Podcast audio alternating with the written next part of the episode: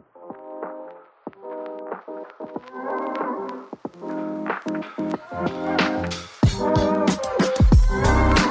Anda listeners, gimana nih kabarnya? Semoga gue harap sih senantiasa ya kalian dalam keadaan yang baik-baik aja atau baik-baik banget ya bahkan.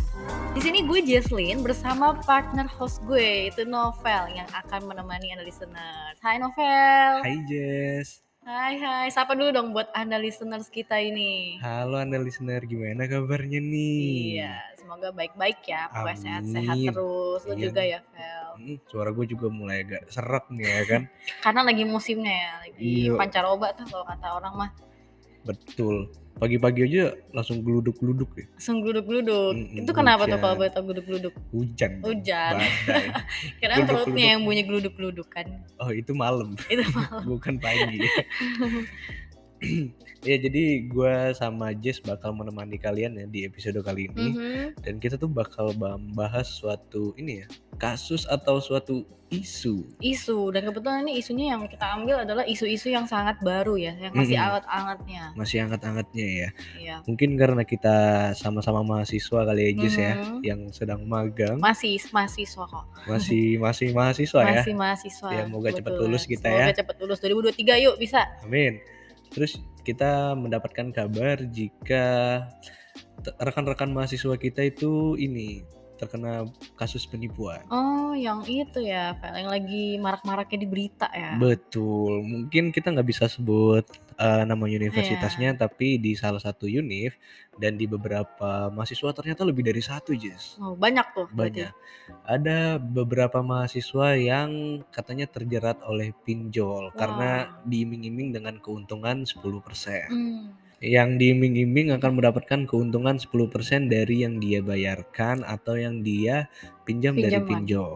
Padahal sebenarnya nggak mungkin ya bisa mendapatkan 10% semudah itu. Betul, orang-orang yang main bursa saham juga Mhm. itu per tahun loh baru dapat 5%. Wah, Ini Anda mau minjem satu doang Mm-mm. 10% kayaknya terlalu gampang ya, Iya. terlalu mudah banget. Kalau 10% tuh seanggapannya kalau kita taruh sejuta, kita dapat sejuta seratus gitu ya. juta 100. Dan kalau di bursa saham itu itu harus gede juga loh, Mm-mm. walaupun kan dapatnya 5% nih. Mm. Kita masukin 15 juta Mhm. yang akhirnya kita dapetinnya itu sekitar 5 juta tadi gue bilang ya. 5 juta. Berarti dapat 250 ribu. 250 ribu. Wah, Lumayan sih sebenarnya. lumayan. Cuman itu butuh waktu yang lama karena kan Iya. ja- jalur legal. Jalur legal. Karena secara hukum juga Oh, anjing eh, mulai nih. ngomongin hukum itu relate banget sama novel. Betul. Jadi kalau secara hukumnya eh, itu hitungannya money laundering sih, Jess. Pencucian uang. Penyucian uang. Kayak gimana tuh penyucian uang? Eh, kalau kasus yang pinjol ini ya, karena kan mungkin di salah satu oknumnya ini yang Mhm. melancarkan rencananya dia itu pengen punya modal. Hmm. Modalnya entah dia punya suatu platform atau eh, suatu bisnis yang dia punyai atau bahkan sampai judi yang ilegal. Hmm. Jadinya dia butuh modal dari rekan-rekan mahasiswanya. Eh sini setor ke gue, gue naikin Hmm. jadi 10% punya lu gitu. Diming-imingin gitu ya. Diiming-imingin keuntungan 10% yang akhirnya membuat eh rekan-rekan mahasiswa kita itu rugi dari 3 sampai 13 juta. Hmm. Wah, Itu sih gila banyak banget Coba kalau lu sampai bayangin. 13 juta dan mahasiswa lagi ya. kalau lu punya 3 juta nih, lu Aha. bakal buat apa nih sebagai mahasiswa nih? 3 juta. Hmm. 3 juta gue pakai pakai apa ya sebagai mahasiswa buat jajan dong, buat self reward, Oh, self buat reward apa makan-makan tuh kakak? enak, Oh, makan enak. makan enak, terus kayak jalan-jalan. Kalau gue lebih jalan-jalan, Oh, lebih jalan-jalan ya. Eh, healing healing, Healing. healing, healing. atau Kalau lu staycation ya. atau staycation. Kalau 3 juta mungkin bisa buat modal bisnis kali ya. Oh iya, pikirannya udah ke bisnis nih ya. Iya, Wah, karena seru, gimana caranya mantap. itu bisa dua kali lipat aja. Hmm, harus dong. Kan itu sampai 13 juta tuh. Kalau punya 13 juta nih, Jess, 13 impian lu sekarang tuh buat apa tuh? Buka toko, Buka toko. toko apa? toko online. Toko Iya. online. Oh, jadi kayak ini ya, apa? Yang jualan melalui live gitu. Iya, gue pengen deh kayak yang kalau dulu gue yang join live-nya, jadi Mhm. kayak talentnya, tapi gue ada keinginan kayak pengen yang buka sendiri, jadi gue yang nyari talent gitu loh. Oh, lu nyari talentnya. Mm-mm, Tapi lu yang nyediainnya gitu ya Iya. tempatnya. yang nyediain tempatnya. Memang kenapa nggak mau lu sendiri? Kayak lu yang talentnya dulu kayak gue pengen cebur duluan nih sebelum Aha. orang lain. Guanya jadi talentnya. Iya. Kan itu udah pernah kan? Jadi kayak pengen, eee, pengalaman baru gitu loh, kayak Oh kalau misalkan gitu. gue yang bikin sendiri usahanya gimana sih gitu. Kan dari cara Mmm. gimana gue nyiapin peralatannya atau kayak Mmm. misalkan gue lagi nge-live apa ya, gue let's say jualannya baju gitu kan, oh ya Heeh. udah nih gue jadi kayak harus nyari-nyari baju segala macem, kan butuh modal kan, Ah, iya lumayan bener. tuh gitu. Berarti dari sudut pandang lu kalau untuk membuka bisnis lu pasti harus menyiapkan modal gitu ya, Jess, ya? Pasti dong, Pasti ya? dan mungkin makanya orang-orang tuh kadang yang makin pinjol itu tujuannya buat itu, buat ke modal ya. Ke modal ya? Heeh. Eee, iya sih memang bener kalau butuh untuk membuka usaha tuh mungkin ada 3 apa ya, kayak 3 kewajiban yang harus kita miliki gitu. Apa aja? Kalau sepengetahuan gue itu Heeh. Orang yang ingin membuka bisnis itu pertama ya modal tuh perlu Mmm. atau enggak uang yang harus lu persiapkan kan untuk Iya. membuka usaha lu. Kedua, eee, mungkin networking lu kali. Oh, jaringan lu Hmm. kayak channel ke temen ya Mmm, mungkin channel ya? ke temen, channel ke orang tua temen Mhm yang udah mhm, gede kan. iya. Habis itu mungkin cara lu meng-influence orang. Oh, oke. Makanya ada, eee, job sekarang untuk jadi influencer. Influencer. Influencer. Agak flu ya itu ya Agak flu. istilah-istilahnya ya. Iya sih jadi influencer itu ternyata nggak sekedar kayak lu cuman apa ya istilahnya, kayak nge-broadcast nge-broadcast berita doang gitu loh, tapi kayak gimana caranya penonton atau kayak followers lu tuh Mhm. tertarik gitu loh Iya. akan konten yang lu bikin, iya nggak sih? Kalau kayak cuman kita bikin story nih sebagai influencer, terus kayak orang ngelihat, ya belum tentu orang juga mau beli dan tertarik gitu kan. Iya banget. Terus juga kalau lu ini sih Jess, eee, misalkan lu punya modal nih tapi lu Mhm. nggak bisa nge-influence orang Iya. atau lu nggak punya networking, ya modal lu pakai ke orang yang bisa gitu. Contoh nih kayak lu kan membuka usaha yang jualan gitu kan di Mhm, online. mhm. Itu gua dari diri gue sendiri mungkin gue tertarik kalau lu mempunyai prospek yang jelas. Mhm. Jadi gua tanam duit ke lu, nanti dari penjualan dan segala macemnya itu dapat berapa, gue dapat 20% contohnya. Jadi Mmm. bisa kayak gitu juga. Makanya itu gunanya, eee, channeling ya. Channeling. Entar temen yang punya duit, itu temen jangan dijauhin. Karena mungkin di masa depan Dicecer terus. bisa ini apa, Berguna ya? bukan berguna dong, membantu sama-sama Iya lain. berguna dong. Karena memanfaatkan dong kalau Oh, berguna. ya saling saling mutualisme Saling aja, lo dapet untung, gue pun juga dapet ya, Mhm. gitu. Tapi juga jangan nyari teman pas lagi butuhnya doang. Mmm, tapi kalau untuk orang yang pas-pasan gimana nih, Jess? Kalau untuk orang yang pas-pasan, Heeh. gimana cara buat mendapatkan modal tersebut? Iya. Caranya ya bekerja keras dong. Bekerja keras. Iya.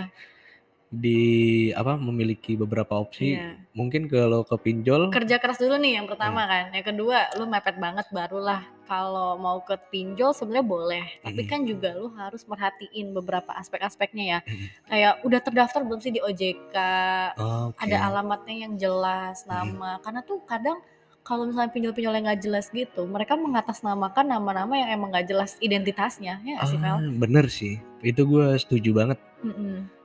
Jadi kalau kita mau membuka usaha tolong, eee, prospeknya jelas. Terus Iya. juga, eee, selalu mikirin worst case. Worst case-nya apa kalau kita Mhm. minjem, ya kan? Iya. Kalau kita berani untuk minjem dan berani untuk mempercayakan, eee, uang sama si siapa yang punya pinjol itu, apa Mhm, ya, let's say kayak eee, platformnya ya. platform fintechs. Iya, lu harus nerima dampaknya tuh apa. Mmm. Tapi sebelum masuk ke dampak-dampaknya ya kalau Anda listeners belum tahu sih Mhm. apa, eee, fintech ya, fintech itu bisa juga disebut sebagai pinjaman online atau pinjol. Jadi di mana platform ini tuh bisa menyediakan peminjaman ya atau sebagai fasilitas oleh jasa penyedia uang yang beroperasi melalui daring, eee, lewat online gitu ya. Betul. Dengan hanya modal KTP aja biasanya ya? Kadang modal KTP doang itu bisa ya? Oh Itu bener iya? nggak sih tapi kalau modal KTP doang? Kalau modal KTP sebenarnya itu tuh penjamin identitas lu. Jadi Heeh. alamat, data diri, Heeh NIK, heeh. sampai nama lengkap lu itu terdata oleh fintech-nya untuk bisa ngehubungin lu atau bisa mendaftarkan, eee, elu Mhm. ke sistem mereka dan juga melaporkan. Jika ada Oh. sesuatu yang buruk, lu kabur bawa Misalnya duitnya gue bawa kabur, akhirnya kan ketahuan tuh identitas gue siapa. Mau Betul. ngelapor ke polisi juga gampang ya? Benar. Oh gitu ya? Gitu kalau pinjol atau fintech ya. Mhm mhm. Iya sih, kadang juga orang karena mikirnya saking kepepet dan lagi tanggal tua, jadi kayak kehadiran pinjaman online tuh bisa membuat proses peminjaman jadi lebih praktis dan cepat ya, Iya. tanpa kayak kita harus berpikir panjang dan usaha yang banyak, Mmm. ya kan? Jadi, eee, kalau pinjol ini Jas, eee, Mhm. kalau semisalkan lu emang pengen nyoba itu lu perhatikan dulu, lu kalau minjem sama yang orang yang lu kenal, stranger, pasti otomatis dia minta benefit kan dari itu, Mmm. bunga kalau Oh, kita bilang. Kalau di salah satu agama mungkin diharamkan ya, cuman kalau sebenarnya untuk kepepet, ya mau nggak mau kita harus gas gitu. Jadi kalau di. Money ini lu harus perhatiin dulu nih bunganya, jangan sampai, eee, apa yang lu pinjem itu lu nggak bisa balikin. Benar Itu bahaya banget. Jadi opini pribadi lu tentang pinjol tuh kayak gimana sih gambarannya? Kalau di pinjol itu bagi gue sungguh platform yang bahaya sih bagi gue, Bahaya ya, mhm. banyak resikonya juga. Ya banyak resikonya dan juga kalau lu pengen pinjol itu, eee, megang duit orang tuh gue ngerasa serasa apa ya, Ada beban gitu? ada bebannya Mmm. banget. Terus juga kalau untuk memulai bisnis pakai duit orang tuh kayak, hmm, ini tuh duit siapa gue pakai tapi yang sukses siapa Iya tuh gue iya. merasa bukan gue gitu loh. Oh, oke. Jad Banyak sih ketakutannya ya? banyak banget ketakutan dan takutnya nih nggak semua usaha berjalan dengan bagus. Mmm, Pasti usaha ada ya? up and down-nya. Kalau kita minjem, itu otomatis kita mulainya dari minus, Mhm. nggak dari nol. Mhm. Jadi otomatis di saat lu membangun suatu contoh restoran, lu minjem dari Mmm. pinjol ataupun dari bank, Mmm. eee, lu minjem 1.000.000, lu minus 1.000.000 berarti pas saat lu mulai. Iya. Tapi bagaimana caranya 1.000.000 itu bisa jadi 3.000.000, itu yang susah. Oh iya sih, bukan malah minus. Atau Betul. malah susahnya tuh kita udah minjem, tapi kita nggak bisa balikinnya ya kan, karena kita ya kita aja rugi gitu loh, minus mau balikinnya pakai apa? Nggak mungkin pakai permen doang dong. apa ya, kompetensi kita yang kurang nih. Contoh nih Jas, kalau semisalkan nih, elu Mhm. lu waktu lu zaman-zaman SD lah, Iya. Itu lu megang duit 50.000 gede nggak? Gede banget itu sih, Gede banget gede kan? banget, kayak dapet 100 lah kalau Mhm. sekarang. Tapi kalau zaman SD kita megang duit 50.000 habisnya cepet nggak? Eee, lama. Lama ya? Iya. Gitu. Karena kita belum tahu apa yang bisa kita lakuin dengan 50.000 itu. Iya. Tapi kalau lu megang sekarang nih udah usia 21 ya? Iya. Terus lu dikasih 50.000 kerasanya banyak Wah, cepet dikit? habis dan itu dapetnya kayak dikit banget, bahkan cuma bisa dapet 1 unit barang doang kadang ya. Iya, malahan sekali Sekali makan makan siang. doang gitu, sekali makan siang ya Iya, kan. Karena kan ya sem semakin gede kan kebutuhan lebih banyak dan semakin lebih mahal gitu. Betul banget, Jas. Makanya kalau dari sini ya, makin lu bertambah usia, makin banyak kebutuhan yang lu pengenin Iya. dan lu makin tahu banyak hal. Mhm. Wah 50.000 ini gue bisa dapetin hal ini nih. Iya Contoh, iya iya. jedai jedai apa pun yang tahan banting, tahan Oh, kuat itu kan. jedai Hercules. Jedai Hercules. Itu aja Jangan harganya itu. nyampe tuh Jangan tuh 35 nanti ya. kita promosi. 50. Oh, nggak boleh? Iya jangan. Eee, jedai, contoh jedai yang kuat banget Oh, ya jedai kan. yang yang di iklan-iklan itu ya yang katanya Mhm. anti retak, anti Anti retak. anti apa tuh, anti copot, kalau Mhm. dilindes katanya nggak bakal fail. Itu nggak tahu ya benar atau enggak ya? Heeh. Hmm. Itu kan kita waktu SD mah nggak tahu atau enggak belum ada barangnya. Yang Mhm. akhirnya kita mikir-mikir, ya udah kita beli aja di abang-abang 5.000-an. Iya. Jadi, eee, maksud gue dari ngomongin ini, itu di saat kita merasa makin umur tuh kebutuhan kita makin banyak, nominal yang harus kita miliki juga lebih banyak. Mmm. Jadi di saat lu punya 1.000.000 di Mhm. umur 21, gimana caranya 1.000.000 itu make the best out of it. Jadi Mmm. kayak 1.000.000 itu lu pakai dengan bener-bener. baik, dengan Karena bijak. susah gitu kan dapetinnya. Iya bener. Makanya itu pesan untuk Anda listener ya kan, bagi yang manajemennya kurang, Manage uang ya manage uang, terutama. itu kalian harus coba-coba sih. Memulai. Memulai, Nah, membagi-bagikan. membagi-bagikan. Mana yang perlu, mana yang enggak. Iya, kalau bisa malah dibikin data keuangan yang mana yang dipakai buat yang darurat nanti, Betul. sama yang emang untuk hari-hari dipakai. Kayak lu ya. Vel, kayak lu kan ada pembagiannya gitu ya. Ini Heeh, ada dipakai nih, kalau misalnya segini udah limitnya, ya udah lu nggak bakal menggunakan yang buat urgent ini. Betul. Nah, itu udah cara lu yang paling bagus sih, supaya kita untuk menghindari lah cara-cara awal, langkah per langkah pertama yang digunakan novel untuk menghindari pinjol, kan. Menurut gue ya itu. Itu sih paling penting ya, kayak ya udah Heeh. kalau lu budgetin lifestyle lu contoh di 2 juta Iya. ya lifestyle lu 2 juta 2 juta aja. nggak usah 5 juta Usah 5 juta itu nanti tunggu ada rezeki lagi tunggu ada ya, rezeki gitu. lagi Atau kan nabung. atau nggak nabung atau nggak dapat pekerjaan yang lebih mendapatkan Oh. gaji yang gede ya Iya betul. itu juga bisa bisa bisa terus gue juga pernah denger ya kalau misalkan dengan adanya pinjol itu tuh ada aja nih oknum yang memanfaatkan sebagai skema ponzi. Itu kayak menurut lu gimana Vel dan apa sih skema ponzi? Mungkin ada listeners belum tahu di sini. Iya, kalau skema skema ponzi itu suatu ini ya cara atau skema yang di mana eh, skema piramid. Mhm. jadi yang di mana yang paling bawah itu biasanya orang-orang kebanyakan. Orang-orang kebanyakan. kebanyakan contoh ada seribu orang. Terus di tingkat yang di atasnya yang seribu orang itu ada Mhm. yang 500 orang yang mendapatkan keuntungan dari yang seribu orang itu oke dan Mhm. seterusnya sampai paling atas. Nah yang paling atas nih paling enak nih Ah, modal nggak pakai, untungnya dapat dari tingkat-tingkatan yang bawah semua. Mhm. Itu contoh skema ponzi ya. Jadi skema ponzi itu kayak banyak dipakai di modus investasi palsu yang membayarkan keuntungan kepada investor dari uang mereka sendiri atau uang yang dibayarkan oleh investor berikutnya. Hmm. Bukan dari keuntungan yang diperoleh oleh individu atau atau organisasi yang menjalankan operasi ini. Jadi operasi ini sangat sering dijalankan di dunia kripto, di dunia Oke. pinjol, atau enggak di dunia perkantoran ini, Jess. kantoran juga ya Jadi perkantoran tuh biasanya sarang, sarang Mhm. untuk eh gue ada bisnis ini nih. Wah itu kalau Oh. udah kayak gitu lu harus was-was.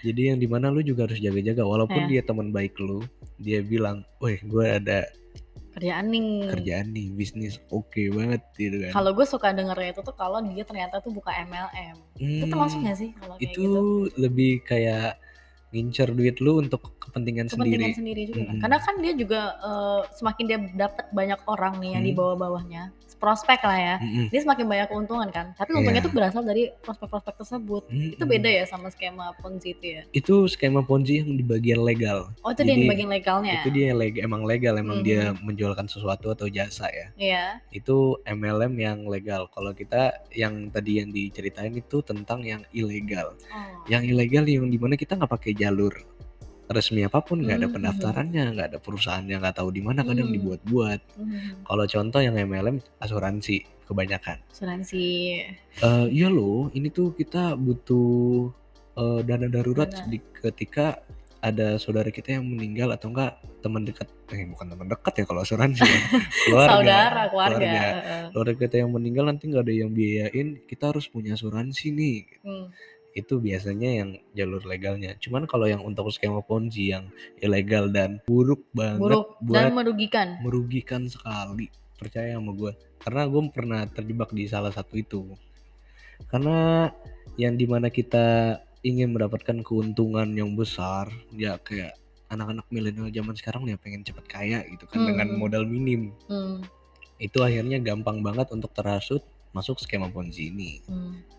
Yang itu membuat jadi kita sulit berkembang ya karena Iya, kita iya. maunya cari gampang terus. cari gampang terus yang instan terus. Kalau ada Mm-mm. yang susah kenapa kalau ada yang gampang? Kenapa nyari yang susah? Betul. Tapi gue penasaran deh kenapa ya si oknum-oknum tuh berani? Dan terkait juga dengan yang mahasiswa-mahasiswa ini kenapa sih sampai oknum itu berani banget memberikan iming-iming tersebut ke mahasiswa? Hmm, jadi mungkin kalau opini pribadi gue ya, oknum ini tuh ingin melaksanakan pencucian uang atau memang butuh uangnya yang untuk menjalankan bisnisnya tadi. Hmm. Karena salah satu teman gue juga pernah ditawarkan di salah satu rekan kerjanya Hmm. di kantor lain, itu dia ada investi investasi bisnis telur. apa itu Vel? baru dengar deh gue Dia eh, kesannya tuh dia mempunyai perusahaan peternak telur. oke dan peternak telur ini dia diiming-iming akan mendapatkan lebihan dari kalau dia Hmm. naruh duit makin banyak yang duit yang dia taruh makin banyak persenan yang dia dapat Mhm. jadi karena bisnis dia bilang tuh bisnis telur lagi bagus nih lu taruh 5 juta aja nanti jadi 6 juta Hmm. gitu katanya sih seperti itu Hmm. memang di awal tuh wih cair Jess cair cair cair sampai wah ini 6 juta nih dapat kan Hmm. katanya siapa yang nggak mau siapa gitu. yang nggak mau ditambahin lagi 6 jutanya ditaruh lagi Hmm. Oh gue pengen dapat 6 juta katanya bisa dapat 1,5 nih jadi Hmm. baliknya 7,5 wah akhirnya terus terus terus terusan dan akhirnya pas dia gede dar Hmm. hilang orangnya Udah Atau ghosting gitu. iya, atau enggak orangnya itu emang menipu, kabur dari kantor, Hmm. hilang. Hmm. Lari dari tanggung jawabnya. Hmm. Biasanya tuh awal-awal ini tuh sulit dibaca, Jess. Yang di mana ini salah satu teman lu. Terus contoh nih, eh, teman lu ini mem- memiliki VIC atau mentor. Hmm. Atasannya itu ngikut untuk invest. Hmm. Itu biasanya pancingan. Pancingan. Atasan karena melihat. Iya, karena VIC-nya. atasan aja ngikut, masa yang Mm-mm. bawahannya enggak? Iya, iya, iya. Itu yang bahaya banget. Jadi yang Bisa aja ya Mm-mm. mancingnya. yang ngebuat dia tuh tertarik gitu. Karena kalau yang skema Ponzi ini pasti di awal untung. Di awalnya untung pokoknya. Lu Mm. dibuat untung dulu gitu ya. Dibuat untung dulu, jadi dibuat percaya. Mhm. Atau enggak waktu kalau di skema Ponzi-nya ini ada website, uh websitenya pernah error sekali terus tiba-tiba dalam waktu beberapa menit bener. Benar. Itu bisa jadi suatu pancingan juga. Hmm. Kayak kalau web menandakan kalau website ini tuh eh, maintenance-nya tuh bagus. Hmm. Sekali error beberapa menit langsung dibenerin. Oh iya ya paham paham. Jadi kayak mainin psikis lu banget ya. Itu Mm-mm. pinter sih orang-orang kayak gitu sebenarnya. Iya dan ini tuh bertambah berdampak buruk banget Berdampak buat buruk orang-orang. Ya meskipun banyak sih orang-orang tuh tahu ya sebenarnya apa itu pinjol, tapi Mhm. kayak kebanyakan juga orang-orang ini belum tahu nih resiko yang harus dihadapi Mhm. itu seperti apa. Betul. Akibatnya tuh masih banyak loh yang bermasalah dalam pinjol ya. Buktinya salah satunya berita tadi kan yang Salah satunya berita itu. tadi. Heeh. Eh, misalnya dampaknya kayak apa aja ya? Misalnya jadi Eh, jadi miskin. miskin, jadi yang udah miskin malah makin miskin Malah lagi, makin miskin. rugi ya kan? Mm-mm. Terus kayak jadi kecanduan ya mungkin. Kalau awalnya lu dikasih pinjem segini, terus Mm. lu nggak mungkin ditenggak dulu lah, bayarnya nanti dikasih waktu buat satu bulan lagi. Tapi lu ada rasa kayak pengen minjem lagi nih, Deng. kayak gitar ya. Iya. Jadi kayak ada rasa kecanduan gitu ya, kayak Iya. pengen minjem, pengen minjem, tapi lu jadi lupa akan tanggung jawab untuk membayar atau melunasi. Betul. Emang banyak kayak yang kayak gitu juga sih, Jess. Hmm, iya. Yang mana ya? Benernya terus gimana ya? Kalau kita mau pinjam di pinjol itu ya. Yang benernya tuh makanya lu harus melihat lagi nih online-nya, eh, pinjaman online-nya itu yang ilegal seperti yang tadi gue bilang udah mention nih tidak terdaftar di OJK, OJK. ya kalau udah yang ter- yang kayak kayak gitu-gitu tuh Jangan. jangan langsung Oke. di skip aja. Terus juga proses pengajuan pinjamannya tuh yang mudah kayak nggak ada usaha gitu loh. Oh, iya. Namanya oke. kita untuk mengejar sesuatu mendapatkan sesuatu tuh butuh usaha ya Oh, kan. modal klik-klik doang Modal gitu klik-klik biasanya. doang mah yang Oh, mana iya. ada gitu kan. Oke. Terus identitasnya nggak jelas Identitasnya ya. nggak jelas juga kayak Nggak ada alamatnya, nggak ada Hmm, kantornya. Wah tanggung jawabnya nggak jelas. Terus juga proses promosinya sih yang kayak lewat pesan singkat nih, yang kayak Hmm. sering kan nerima-nerima SMS Wah tuh iya iya iya, pinjaman. Dia biasanya ini apa? Bilang ke customernya atau calon customernya Eh. bilang as. As, iya. Assalamualaikum. Oh, as itu assalamualaikum. Iya. Astaga, gue baru tahu. Iya, padahal tuh bahaya nggak boleh disingkat itu karena Oh. S itu artinya pantat kan kalau bahasa Indonesia itu bahaya banget kan Bokong ya. bokong itu nggak boleh Wah parah tuh kita udah direcehin lewat SMS ya. iya Parah banget sih itu. masa tiba-tiba orang tidak dikenal Hai pantat gitu kan Atau gue curiganya tuh kalau setiap kita ngisi pulsa itu sih, kan kecatet Hmm. tuh ya. Jangan tuh oh iya ada aja tuh datanya ini kan bocor. oh iya bisa bisa atau Bisa ya? enggak yang kayak Tukang di pulsanya gabut. tuh. event-event ya kan Oh, daftarin event. nomor telepon kamu Iya itu itu bisa jadi kan. Kadang pembocoran data tuh dari mana aja bisa. dari mana aja bisa tergantung niatnya sih. Tergantung niatnya.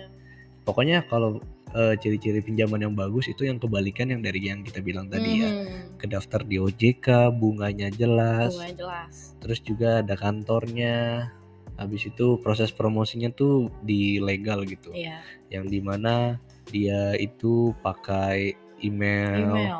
Terus juga melalui pesan WhatsApp halo permisi selamat siang biasanya gitu kan yang Hmm. baik-baik tuh Kayak Dan yang pasti yang dengan ngomongnya tuh lewat kata-kata yang sopan, jangan yang kayak langsung ngegas lalu datang atau Iya. kayak tuh diburu-buruin tuh itu udah pasti no banget. iya bayangin orang mau jualan lu pakainya bohong apa kabar saya pengen menawari men Iya iya.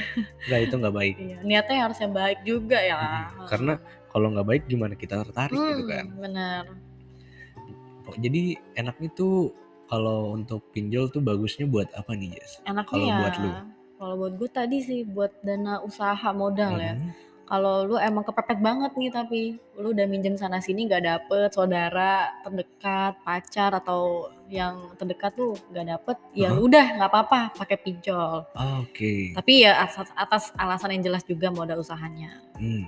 Terus karyawan yang kayak belum memiliki gaji stabil ya mungkin Hmm. kayak kita yang masih magang ya Hmm. kan tuh boleh lah Boleh ya. Hmm.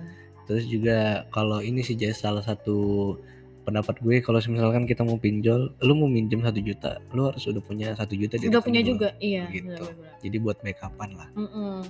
jangan nggak ada sama sekali ya Mm-mm. Jadi pinjol atau bisa dibilang fintech, financial technology itu harus digunakan dengan bijak. Benar harus banget Ya, itu Gitulah. Ada lagi pesan untuk anda listener mungkin biasanya tuh seorang novel akan membawakan pepatah-pepatah yang bijak. Coba dong kasih apa spill ya? spill spill Memakai pinjol itu seperti kita mencari uang. mencari uang. Yang di mana dalam memakai pinjol tidak boleh lebih besar pasak dibandingkan dibandingkan tiang. Iya, Iya. cakep. Cuma Iya. sayangnya agak typo dikit ya, Agak tapi gak apa-apa tetap ya. keren. Emang Artinya agak- apa tuh, Kak? Artinya apa yang kita hasilkan itu tidak boleh dari lebih dari pengeluaran. Pengeluaran. Itu nggak boleh banget. Benar banget. Ya gitu ya saran-saran dari kita Iya. untuk anda listener ya Anda dalam listener. menggunakan fintech. Yes, betul banget. Semoga berguna Hmm. dan kalau kalian emang menggunakan fintech dengerin pesan-pesan kita tadi ya. Mm-mm. Dan jangan lupa juga kita nggak bosan-bosannya ngingetin Anda listeners untuk follow sosmed kita seperti ada eh, Andal Post ya. Andal Di Andal tuh yang baru banget. Hmm. Kalian juga harus baca-baca berita di situ karena nggak jauh kalah beritanya hangatnya ya. Hangatnya, ih seru-seru tuh. Seru-seru, lebih yang fun Hmm. Terus juga ada Twitter kita, ada Instagram kita di @andalworks.id.